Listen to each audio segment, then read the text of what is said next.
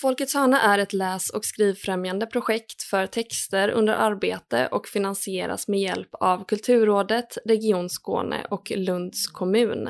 Tackar!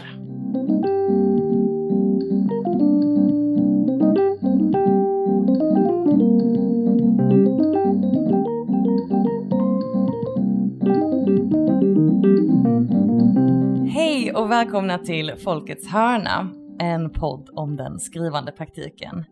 Mitt namn är Agnes och bredvid mig sitter Emilia och med oss idag har vi Marianne Vaktiari. Hej! Hej hej! Eh, du debuterade 2005 med Kalla det vad fan du vill, vilken blev både prisad och hyllad. Eh, och sedan dess har du fortsatt skriva både romaner, noveller och radiodramer. Eh, men vad skriver du på just nu? Just nu skriver jag färdigt min fjärde roman som ska lämnas in om tre veckor. Oj! Så det är verkligen, verkligen i slutet av processen. Vad spännande. Vad är det som, är, som händer där just nu? Just, just nu är det den, det är skitjobbigt just nu faktiskt om jag ska vara uppriktig. För att det är den del jag har bara skjutit upp och skjutit upp och skjutit upp. Och det är precis i slutet av boken där en, eh, en, en 15-årig pojke dör. Mm. Um, och jag har, jag har tänkt på detta i flera år.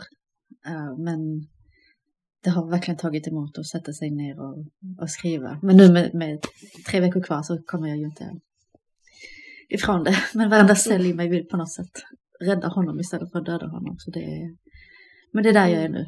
Ska precis skriva sista sidorna. Mm. Vill du berätta lite om det projektet? Eh, ja, nej, men det är, det är så hemskt med alla de här skjutningarna och så unga människor, barn, Mm. um, dödas. Um, och inte så sällan av andra barn. Så, um, så i flera år har det bara varit svårt för mig att tänka på något annat eller skriva eh, om något annat. Jag har försökt, eh, verkligen. Um, men, um, men så det, det är det man får följa en, en, den här pojken sista dagen han är i livet. Eh, egentligen är det. Men, men, man får veta redan från början att det kommer leda, den här dagen kommer slutas med att han dör. Mm. Så, men då, det handlar, eh, jag har upptäckt nu när jag läste igenom manuset att det handlar ju också lika mycket, jag har helt enkelt sagt att det handlar om en pojke. Men äh, egentligen handlar det, handlar det väl lika mycket också om vänner och familj och folk han har omkring sig och de som kommer de som kommer finnas kvar och överleva honom trots att de inte vet om det. Mm. Det, det är ju de här mötena som kan vara så, tror man, obetydliga, folk man är van vid att se, som först i efterhand när någonting händer um, förvandlas uh, till något annat när man får veta att jag får aldrig mer träffa den personen. Så det handlar ju Mm. lika mycket om alla de här människorna som um, aldrig mer kommer få träffa honom. Mm. Och vad de gjorde, vad de sa, hur de betedde sig. Sånt som de kommer få leva med. Det låter som att den här berättelsen då kom till dig i någon slags nödvändighet eller som du beskriver att du inte kunde skriva om någonting annat. Hur, hur tog den just eh, den här formen som den, som den har nu? Ehm, jag vet inte, jag kan inte... ehm, jag har jätte, jättesvårt för att planera saker i förväg. Mm. Ehm, så det är, jag tror skrivandet för mig handlar jättemycket om kontroll, men inte just vad gäller precis hur saker och ting ska gå till. Eh, så så jag, jag vet inte, det är bara, det, för mig brukar det vara så att jag, ehm, jag börjar tänka jättemycket på vissa karaktärer som börjar bli människor i mitt huvud. Och först när de har blivit tillräckligt verkliga för mig börjar det gå bra i skrivandet. Då får de också ägna liv ehm, och um, och det är lite de som sätter ramarna för uh, och sätter berättelsen i rörelse och, och ger den den riktning mm. uh, det behöver. Så det låter jättelöjligt men det är lite så det går till. Ju mer jag backar ur det hela um, desto mer de får vara med och styra och ställa. Så desto tydligare blir det vilken form det kommer få. Men det är, någon, det är en, en, process som, eh, det är, det är verkligen sida för sida. Mm. Eh, det är väldigt sällan jag vet vad som kommer hända när jag sätter mig ner och, och skriver. Det är därför det har varit så svårt med den här, för jag har vetat att han ska dö, men inte exakt hur eller... Eh, ja, jag har vetat platsen. Eh, och och eh, ja, vapnet, men inte så mycket, så mycket mer. Så man får se liksom vad som kommer hända längs vägen. Lite som det går till i, i det faktiska livet. Mm. mm.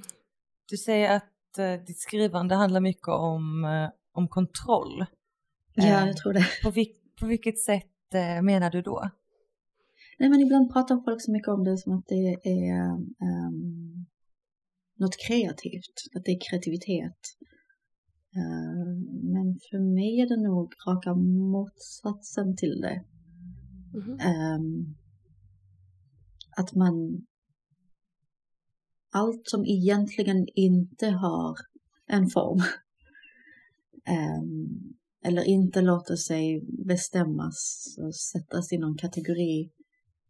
När jag sätter mig ner och ska skriva um, är det precis det jag försöker göra med det. En, en erfarenhet, en, en upplevelse, en, en känsla som kan vara så gränslös och plötsligt och, och eh, eller inte, det, det saknar form helt enkelt. Uh, kan vara all over the place.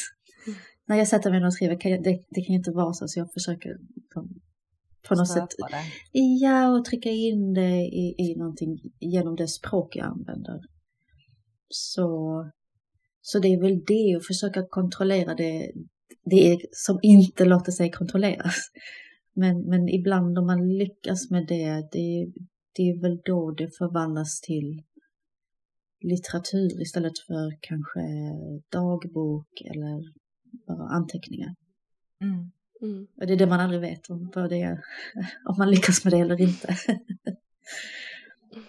Eh, mm. Men det, det, är i alla fall så det känns, att, att försöka äh, sätta ord på saker i, på ett sätt och i en ordning som, som ger det en ark, ett, narrativ som, äh, ja, man plockar egentligen ut någonting från verkligheten och koncentrerar sig på det. Mm. Ja, det blir ju lite som att man ser en väldigt begränsad del. Alltså man kan mm. ju inte ta med allting Nej, så man precis. måste ju på något sätt liksom avgränsa. Sådär. Ja. Mm. Och så har man sina egna begränsningar också. Det, det är ju också att försöka hitta gränser mm. för det man ska, så att man kan berätta det eh, för en berättelse. Um, men sen är det ju också ens egna begränsningar, ens egna ens eget perspektiv, språk. Um, mm. Jag påminns hela tiden om dåligt mitt ordförråd det när jag ska skriva. Det är så frustrerande. Jag vet vad jag vill säga men jag hittar inte orden. Så att det är, det är väl det som är den dagliga kampen. Synonymer.se. Ja, författarens bästa vän. Är det så? Tipset. Men då använder ju alla samma synonymer. Är det inte ja. så? Ja, man får välja lite. Okay. ja. Jag tycker det är roligt att du säger det här äh, att det kanske låter lustigt med hur du tänker kring dina karaktärer, mm. hur de får liv och du måste mm. vänta lite på historien eller berättelsen tills de blivit tillräckligt levande. Yeah. för det är ju någonting man ser i dina, i dina andra böcker också som ofta är just ditt grepp eller ett grepp du använder som är just det här polyfona, mm. att det är så många karaktärer och att man får komma in i allas perspektiv. Mm. Um, hur kommer det sig att du hamnar i det, i det skrivandet? uh, jag, det var en jätteintressant fråga. Jag har själv så svårt för um, att ha um, övertygelser och jättestarka uh, åsikter, bestämda åsikter. Så så fort jag säger någonting så kan jag komma på två, tre motargument. Mm. Så kanske bottnar det i det, att, att, uh, att inte bara kunna hålla sig till ett perspektiv.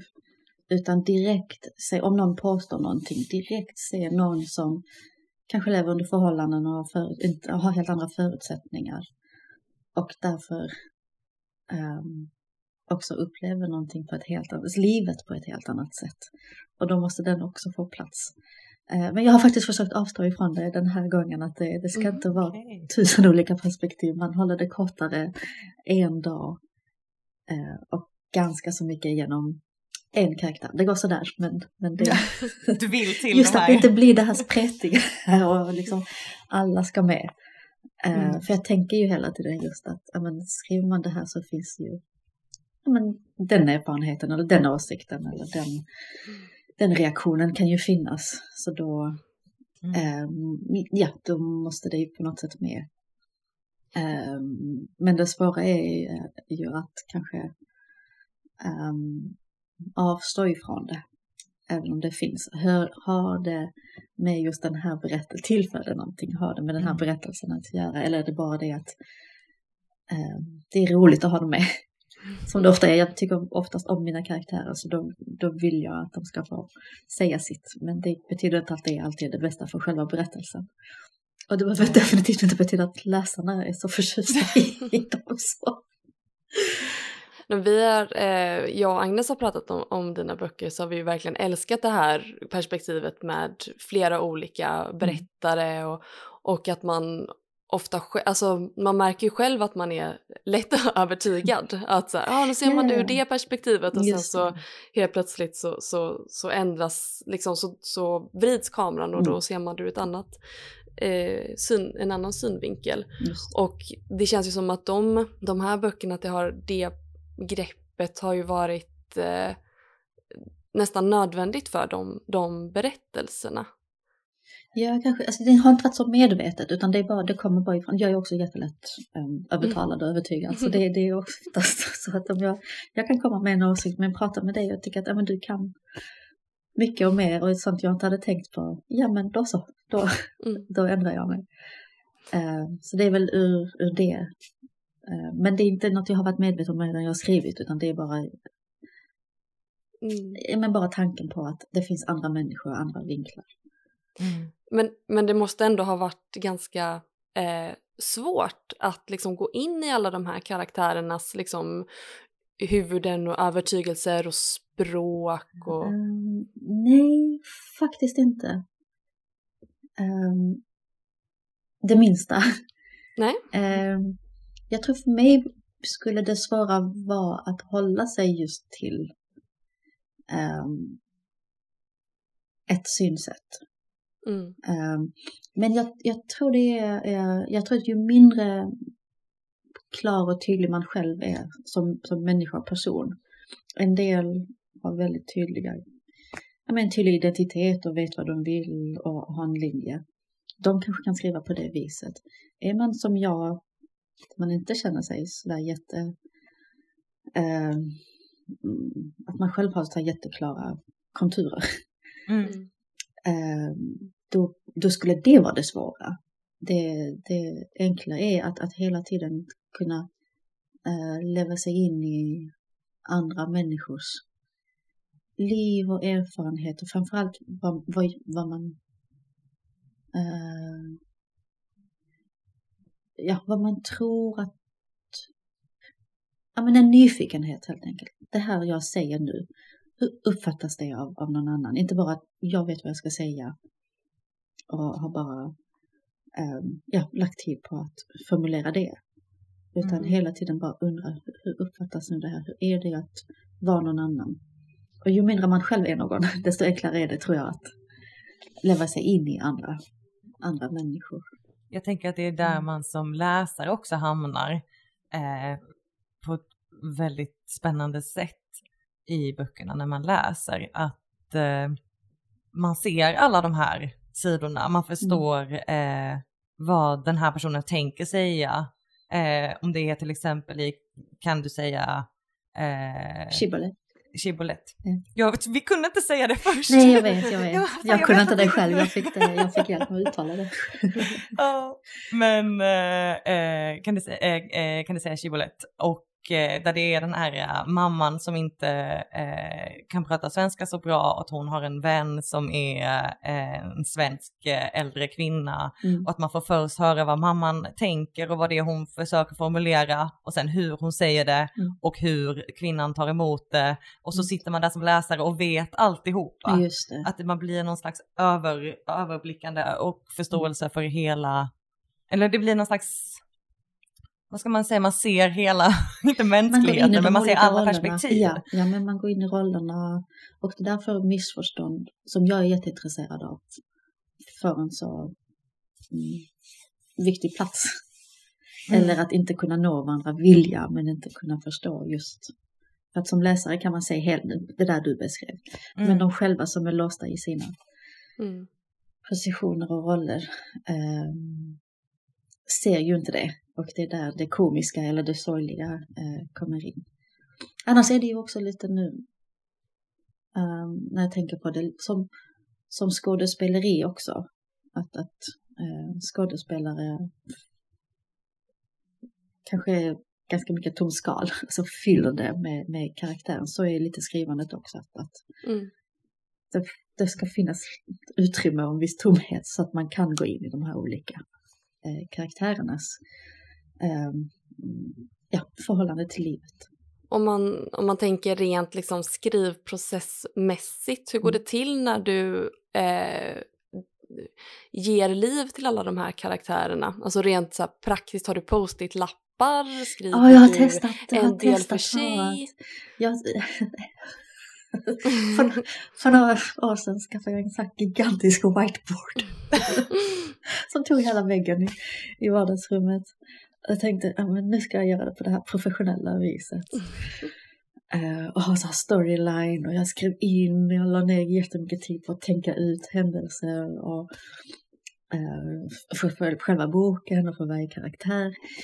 Eh, men all tid lades på själva whiteboarden och sidorna Mm. förblev helt blanka och när jag skulle skriva fanns ingenting kvar. Mm. Eh, så jag, jag tror att eh, i alla fall för mig handlar det nog Alltså själva skrivandet tar inte så mycket tid utan det som tar tid är att komma till en punkt där jag känner att nu kan jag skriva någonting som som jag kan tro på, som, som är någorlunda trovärdigt i mina ögon. Man får, det får liksom börja där. Och då handlar det mycket mer om att ehm, tänka på, på karaktärerna än att skriva om dem. Eh, och jag märker själv i skrivandet, om jag inte själv tror på en karaktär så börjar jag vilja styra den karaktären och den, plötsligt börjar den säga saker som den aldrig skulle säga. Mm. Eh, men då är det någonting jag skulle vilja få fram. Det finns kvar av det i böckerna som jag skrivit, eh, men, men ju mer man kan upptäcka det på manusstadiet och ta bort, eh, desto bättre. Medan andra karaktärer har, har man tänkt på och umgåtts med så mycket att de blir så så otroligt tydliga och levande i huvudet, inte på sidorna, i huvudet. Så att redigeringen sker redan där. Att om jag Mm. skriver någonting så kan jag känna direkt att nej, nej, nej, det skulle han egentligen aldrig säga. Jag skulle vilja att han sa det, Mm. men han skulle inte säga det. Ehm, och kanske är det det som i efterhand levs som en levande karaktär. Eh, det är lite så att jag har inte riktigt den distansen. Ehm, men, men så, det är så arbetet går till i alla fall. Mm. Att, att ehm, tänka på karaktärerna så mycket att, att när jag är i stan och någon säger någonting så kan jag höra direkt att ja, det där, Mm. det skulle mamman i boken också säga till sin dotter. Eh, det måste jag komma ihåg att ta med. Eh, så det är mer att det går till på det viset. Jag kan inte sitta och tänka hur ska jag göra den här karaktären eh, så levande som möjligt för läsaren utan det är hur, hur eller det är, det är framförallt inte en fråga om hur utan det är en fråga om när. När är en karaktär tillräckligt mogen och levande att, um, att den inte behöver min inblandning. Mm. Mm. ju mer jag lägger mig i desto sämre blir det. Så det man sparar massa tid på att behöva äh, skriva om och ta bort har jag upptäckt. För jag har börjat skriva för tidigt och det har bara varit slöseri med tid. Mm. Och man tappar lusten och det, det, det är bara tråkigt. Men, men den informationen du då får fram om dina karaktärer, alltså sparar du den någonstans, alltså skriver du ner det eller Just det, har du det bara jag har testat, ditt... jag har verkligen mm. testat mm. um, allt möjligt, för jag tror hela tiden att mitt sätt att skriva på är så um, det är så amatörmässigt och det är så det hänger så mycket på att man um, kommer på något måste man skriva det direkt. Ja. Och det är inte alltid jag kan göra det. Så jag har testat, inte riktigt med post-it-lappar kanske, men att anteckna. Anteckna mm. i ett block, eh, mejla mig själv, eh, ha anteckningar i, i mobilen, eh, på, på lappar, vad som helst, man kommer på någonting, kanske en dialog eh, eller en idé, så kan jag snabbt bara skriva det bakom ett kuvert eh, mm. som bara finns nära till hands. Problemet är så fort jag har skrivit det där så försvinner också nerven i det hela. Mm. Mm. Eh, ibland förstår jag inte ens vad jag har menat när jag väl sen ska sätta mig ner och skriva. För det, det där som just då kanske var en jättebra idé, när jag har skrivit ner idén istället för att skriva direkt i manuset så blir det någon form av referat eller det, det blir bara något dött. Ja. Eh, ibland vet jag inte vad jag menade överhuvudtaget. Vad, är, vad betyder det? Eller så är det att, att ja men den här kanske repliken är, det är bra men jag, jag hittar inte, jag, eller kommer inte ihåg i, precis i vilken scen eller vilket sammanhang um, jag tyckte det skulle vara bra. Så det blev mycket, det blev svårt helt enkelt och det blev, um, jag kunde inte hålla reda på dessutom. Ibland kunde jag komma ihåg, oh, just, just det, vad var det när jag var på bussen så komma på en rad mm. som jag ville ha, ha in i beskrivningen eh, av när de här två pojkarna kommer in i den här villan. Men vad var det nu eh, och var var det? Var det på något kuvert? Var det i mejlen? Så det blir, jag har liksom inte den... Det krävs ett disciplin och struktur man ska ha för arbetet. Eh, och har man inte det, det är lika bra att eh, låta bli. Så nu får jag liksom leva med att, att en del saker bara går förlorat för att jag när jag kom på dem hade inte manuset. Det kanske är två gånger av tio som det har funkat mm. eh, med anteckningar eh, för min del. Jag tycker det låter som ett så himla fint sätt att ha karaktärer, det du beskriver. Mm. Att det låter som att de lever med dig så himla nära och är personer som är och finns med dig väldigt länge. Och då tänker jag, är det svårt när boken är klar och utgiven att släppa dem? Nej. Det, är det skönt? Det är jätteskönt.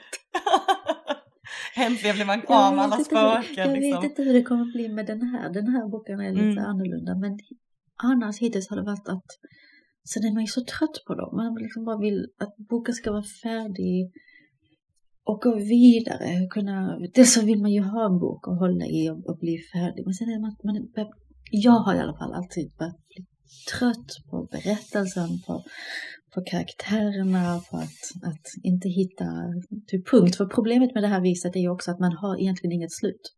Mm. Det kan bara pågå hur länge som, som helst. Uh, så um, så väldigt ofta är det mer med lättnad uh, och en stor bara trötthet på det hela. Ja. så det har inte varit så svårt att skilja sig från dem. Hur vet man var man sätter punkt då? Ja men det är det man inte Ibland är det liksom... Eller är det någon redaktör när, som säger till en? När förläggaren börjar tycka mm. att nu har det gått åtta år. det är dags nu. precis, precis. Nej, jag tycker, jag tycker slut är bland det svåraste som finns. Det är hur lätt som helst att börja saker. Men, men sätta punkt uh, tycker jag är jättesvårt. Oftast vet jag inte. Utan det får bara plötsligt bli så att, ja men nu måste det här, nu måste det här sluta. Um, mm. Och vid det laget har det, är det säkert hundra sidor längre än det behöver vara. Så, så jag vet inte, jag vill själv att någon svarar på den frågan. När du kom ut med och debuterade med din bok eh, Kalla det vad fan du vill. Då var den ju, det var verkligen en succé. Eh, det minns jag, jag är eh, 27 år gammal. Eh, så den kom ut när jag gick på högstadiet och att jag minns verkligen hur man såg mm. just det omslaget eh, överallt och liksom fortfarande när vi, när vi pratade om att du skulle vara med på Folkets hörna, att jag fick upp och jag bara, men gud det är ju det här, den. det är ju den boken. Mm. mm. Eh, men hur var det för dig att debutera med den? Hur, gick, eh, hur kändes det? Det var så, så oväntat såklart. Ingen, ingen äh, förväntar sig något sånt.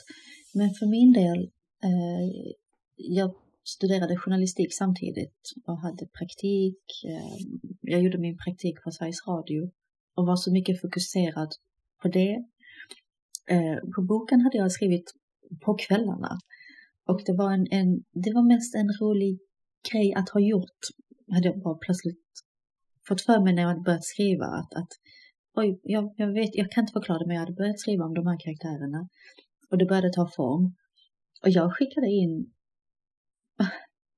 ja, nu kommer jag inte ihåg precis hur många sidor det var, men kanske 60 sidor, något sånt där. Till alla förlag som jag kunde komma på. Mm. för att få feedback. Mm. Jag trodde att det var så man kunde göra. Nu, nu kan jag inte komma längre. Det här har jag skrivit. Jag behöver feedback för att det här ska bli en bok. Eh, så jag visste ingenting om, jag kände ingen som skrev, eh, jag visste ingenting om, om förlagsvärlden. Ehm, och i min aningslöshet, vilket eh, jag både skäms över men, men nu har det gått tillräckligt lång tid för att jag också ska kunna se det som att ja, men hade det inte varit för det hade jag inte suttit här idag. Nej. Um, för, för jag, jag, visste ju inte att de får tusentals manus. Uh, och en och ett halvfärdigt så bara avvisade de det, uh, det direkt. Um, men, men, så var det ett förlag, en förläggare ringde upp och sa att, att om du kan tänka dig skriva färdigt det så är det någonting vi vill satsa på. Men, men i dess nuvarande form så går det ju inte att göra så mycket med det.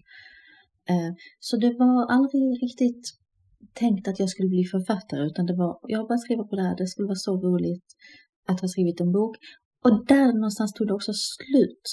Jag hade inte tänkt på vad som skulle hända eh, efteråt. Det fanns inte utan annat än att men, man har den här boken och så kan man ge det till några kompisar. Det var liksom inte alls mer än, än, än, äh, än så.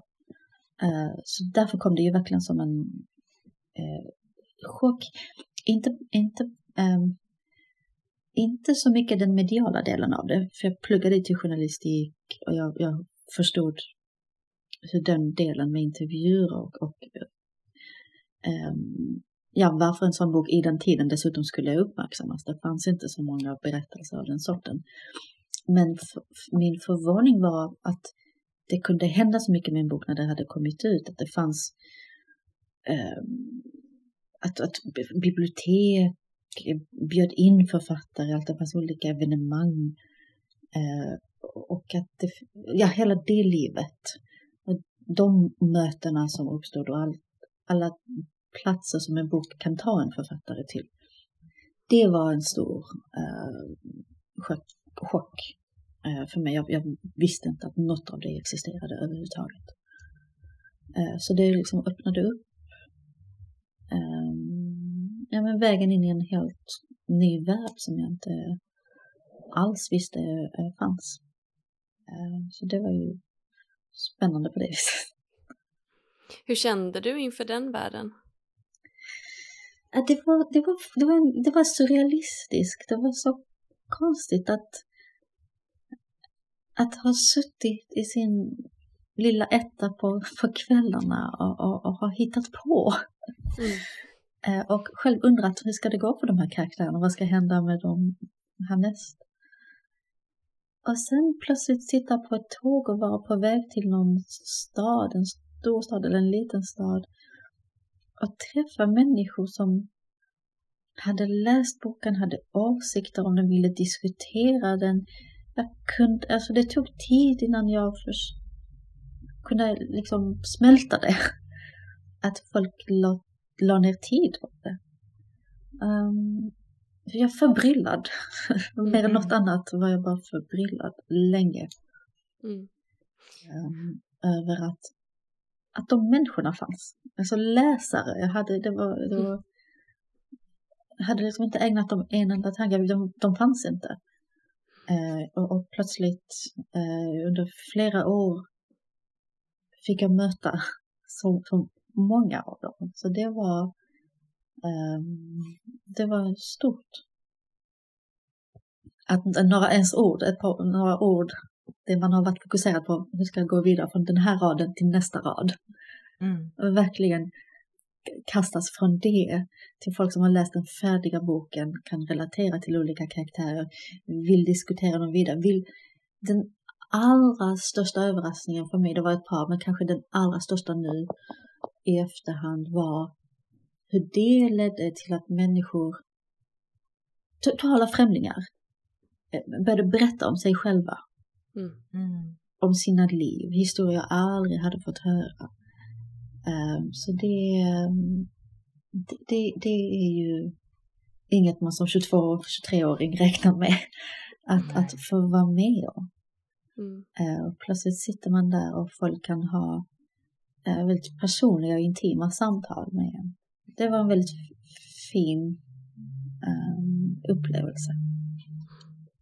Att din berättelse liksom rörde upp någonting i deras, i deras liv? Eh, ja, eller det, det, ofta var det så att det handlar inte så mycket om boken utan folk just för att de började prata om sig själva så var det bara en, en liten ursäkt som om det, det, det var så att vi diskuterade sen boken utan det blev en väg in i andra människors liv eller det de ville berätta om sig själva. Eh, sina erfarenheter. Jag fick höra många olika erfarenheter eh, som folk har haft.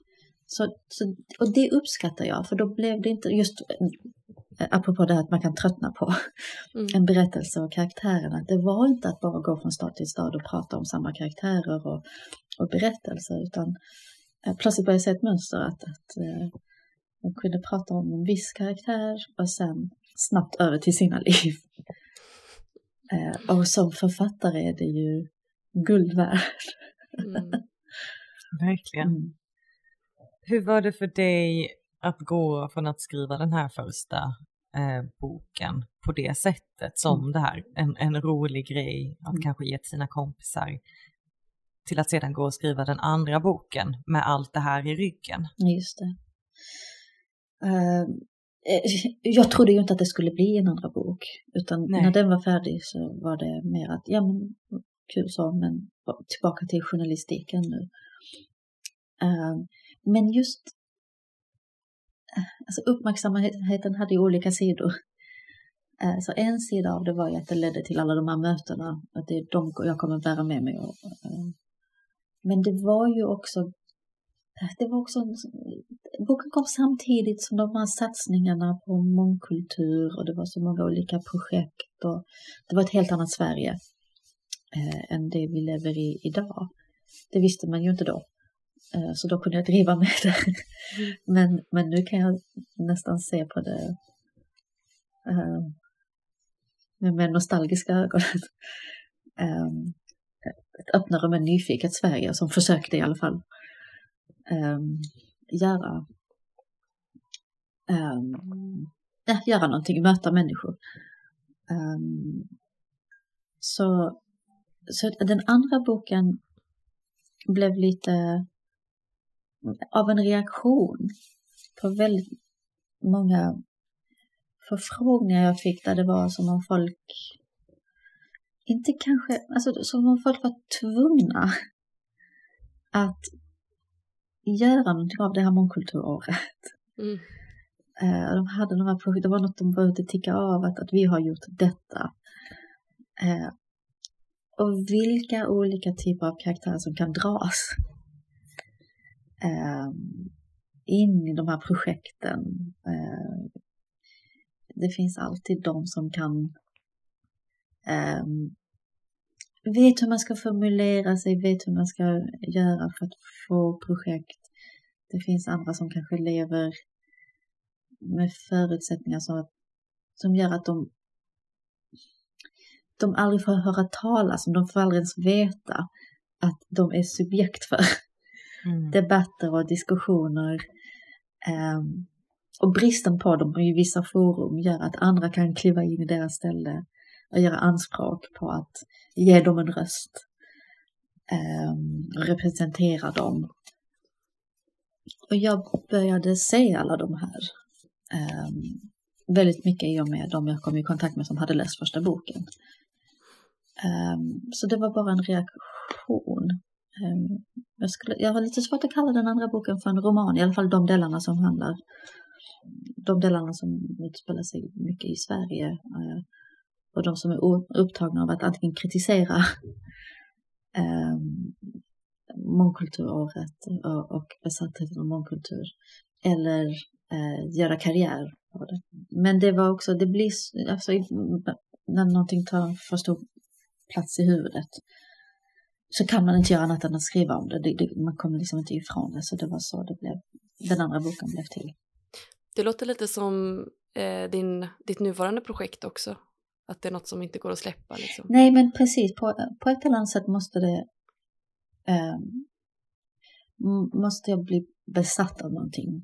Mm. Eh, för att alla som har någon gång skrivit eller försökt skriva vet hur jobbigt det är. Det är en lång process. Uh, man hinner känna så mycket, allt ifrån lust uh, och, och, glädje över det man skapat, men också mycket förakt och trötthet. Mm. Eller hopplöshet och uppgivenhet.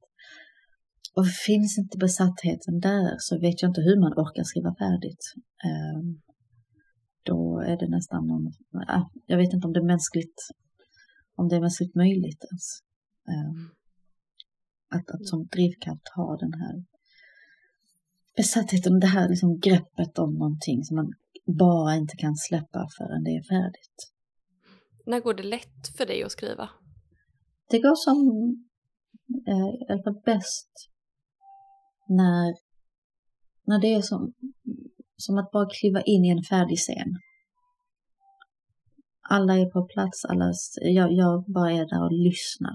När skrivandet är bäst, som bäst är när jag är i ett rum med karaktärerna och bara lyssnar på dem. Då bara flyter det. Uh, ju mindre jag tänker, desto bättre går det. Ju mindre uh, jag försöker tänka ut vad de ska göra eller säga eller hur jag ska beskriva någonting. När det bara kommer av sig själv för att allt är på plats. Mm.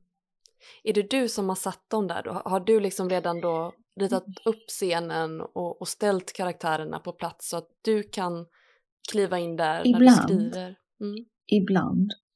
Men ibland är det också just att bara följa med dem. Mm. Ett exempel då från den här senaste boken. Två pojkar um, hamnar i ett hus där de ska möta en kvinna och det var det jag visste, så på det viset placerar jag dem, dem där. Mm. Vad jag inte visste var att de plus en annan kvinna, alla skulle hamna i ett badrum. Och en massa diskussioner eh, skulle uppstå just i det, i det badrummet. Eh, av alla i ett stort hus med två våningar, massa rum och platser och, och, plötsligt så hamnade de där. Och det hade jag ju liksom inte kunnat, det visste jag inte när jag satte mig ner och skrev att, att så många sidor skulle ägnas eh, åt just det. Mm. Men det är när det går som bäst, då är det bara att äh, följa med på turen. Mm. Så luta sig tillbaka, inte kontrollera så mycket och ja. lära känna sina karaktärer så pass mycket att man kan låta dem få fritt spelrum. Kontrollen kommer in så fort språket kommer in.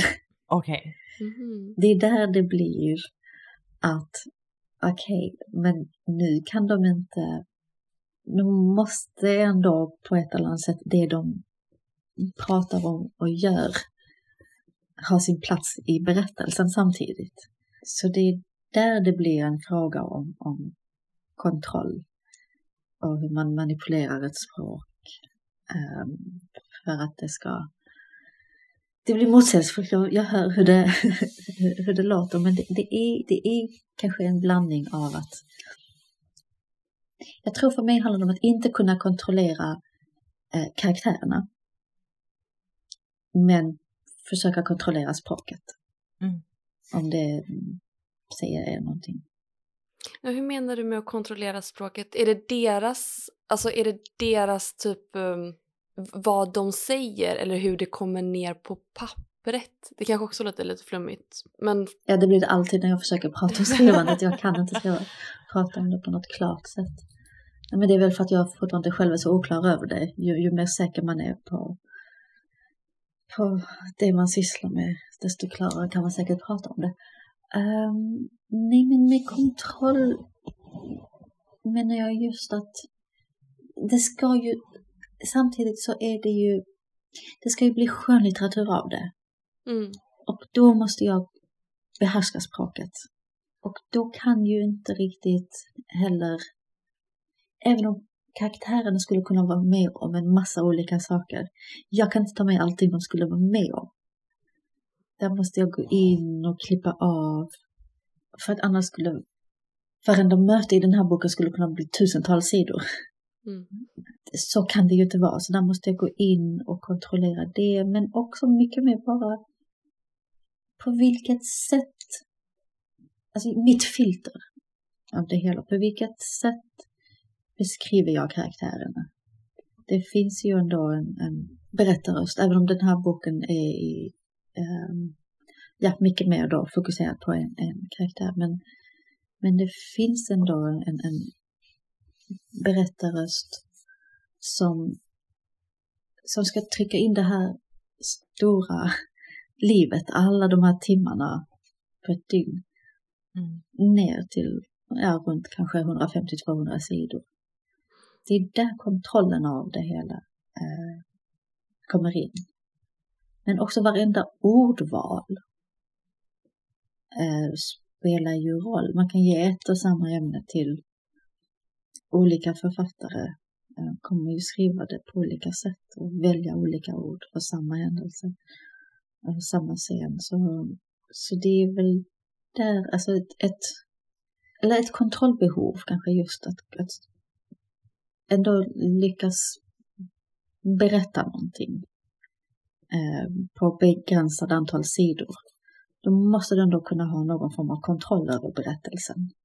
Mm. Eh, och karaktärerna, hur mycket levande de än är. Så i slutändan är det ju ändå, ja men som det du frågade om, hur vet man vad slutet är? Mm.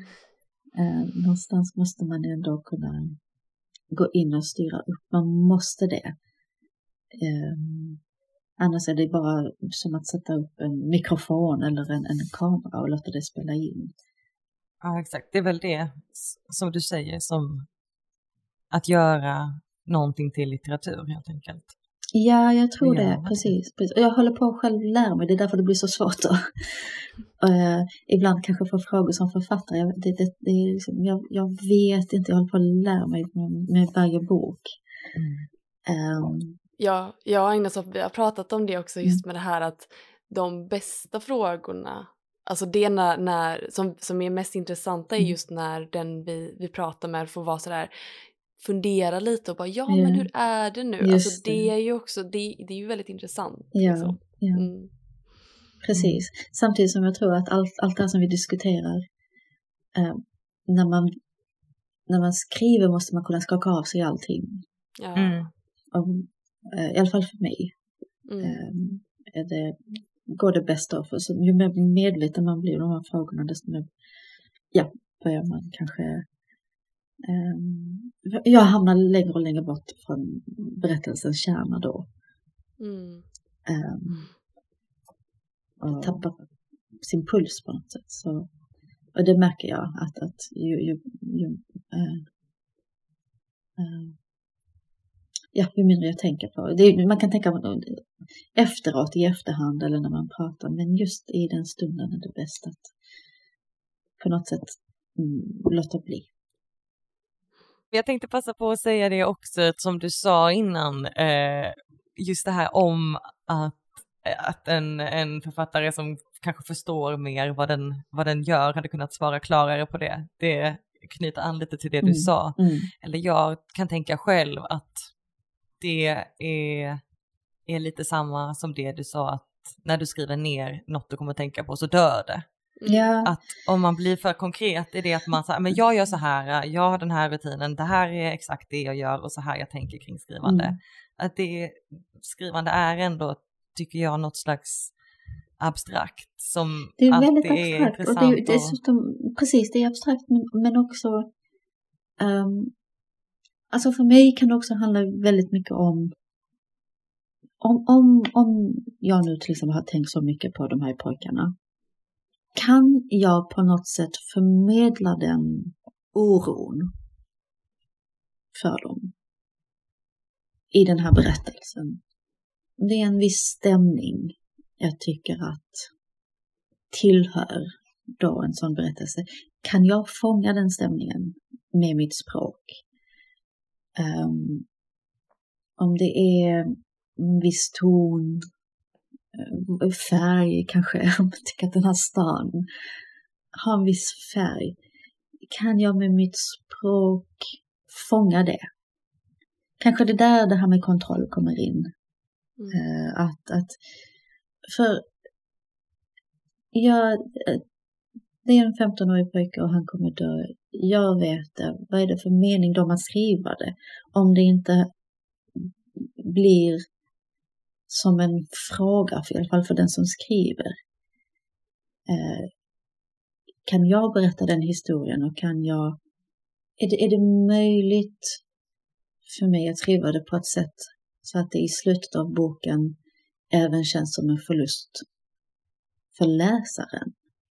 Mm. Kan, kan jag få en läsare som kanske aldrig har tänkt på de här pojkarna i de termerna um, ändå åtminstone vara lite nedstämd.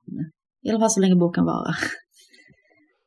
um, och det är där det blir så mycket en fråga att kunna ändå kontrollera sitt språk och också hur mycket man ska ta in och göra vissa avvägningar. Um, istället för att bara, bara följa med en karaktär. Um, men det där, det blir jättesvårt att prata om det i konkret, det är exakt som du sa, det blir jättesvårt att prata i konkreta termer för att dels är det en så levande fråga om så mycket osäkerhet och ambivalens kring det hela. Jag vet fortfarande inte om jag lyckas. Jag vet inte dessutom hur mycket av mina känslor påverkar eh, min läsning av det jag skrivit. Skulle någon läsa, läsa det utan att ha hört mig prata om det skulle man bara kanske, men det här är ju bara skit, vad är detta? Det är någon sån sentimental bara gegga. Um, så det är väl egentligen, tror jag, bara en extremt bara självisk um, sak och mest, allra mest bara intressant för en själv som författare. Um, kan jag lyckas med det? Uh, är väl frågan uh, varenda gång. Sen är ju mm. frågan då, ja, lyckas med vad? Det blir väl olika från, från eh, bok till bok.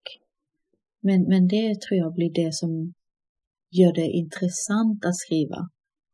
Eh, och som gör att man ändå vill gå i mål med det. För man vill ändå veta, gick det den här gången? Och det är ju, man misslyckas ju varenda gång för att det är svårt. Vad betyder det? Kan jag fånga en stämning eller en färg eller en ton? Men en, alltså någonting av det man ville kanske kommer med ändå. Och kanske lite mer med nästa bok. Kanske har man lärt sig till exempel att väga och avväga lite mer. Så att, eh, I mitt fall så att det blir eh, mindre och mindre spretigt. Um, och om det då är bra.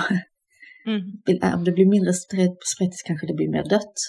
Eller om det blir mindre spretigt så kanske det blir, ja, men det blir lite mer samlat och, och mer fokuserat. Och eh, ja men säg då i det här fallet att, att en viss eh, oro eller eh, sorgsenhet kan ändå eh, ta plats eh, i, i läsarens huvud.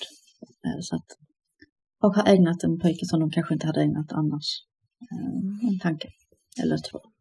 Vi ser otroligt mycket fram emot att den här boken ska få komma ut så att vi får läsa den. Mm.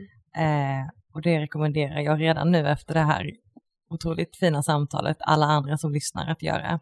Jag vill säga tack till dig Marianne för att du ville vara med och prata med oss idag. Ja, tack själv. Eh, och eh, som alltid tack till Klara som klipper vår podd. Och med det säger vi hej då för idag.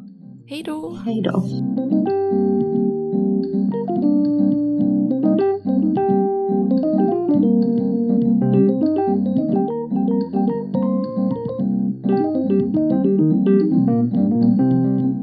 Kul att ni har lyssnat på Folkets hörna. Har ni några frågor eller vill komma i kontakt med oss så kan ni mejla på hej och följ oss gärna på sociala medier, eh, Facebook och Instagram. Där heter vi Folkets hörna.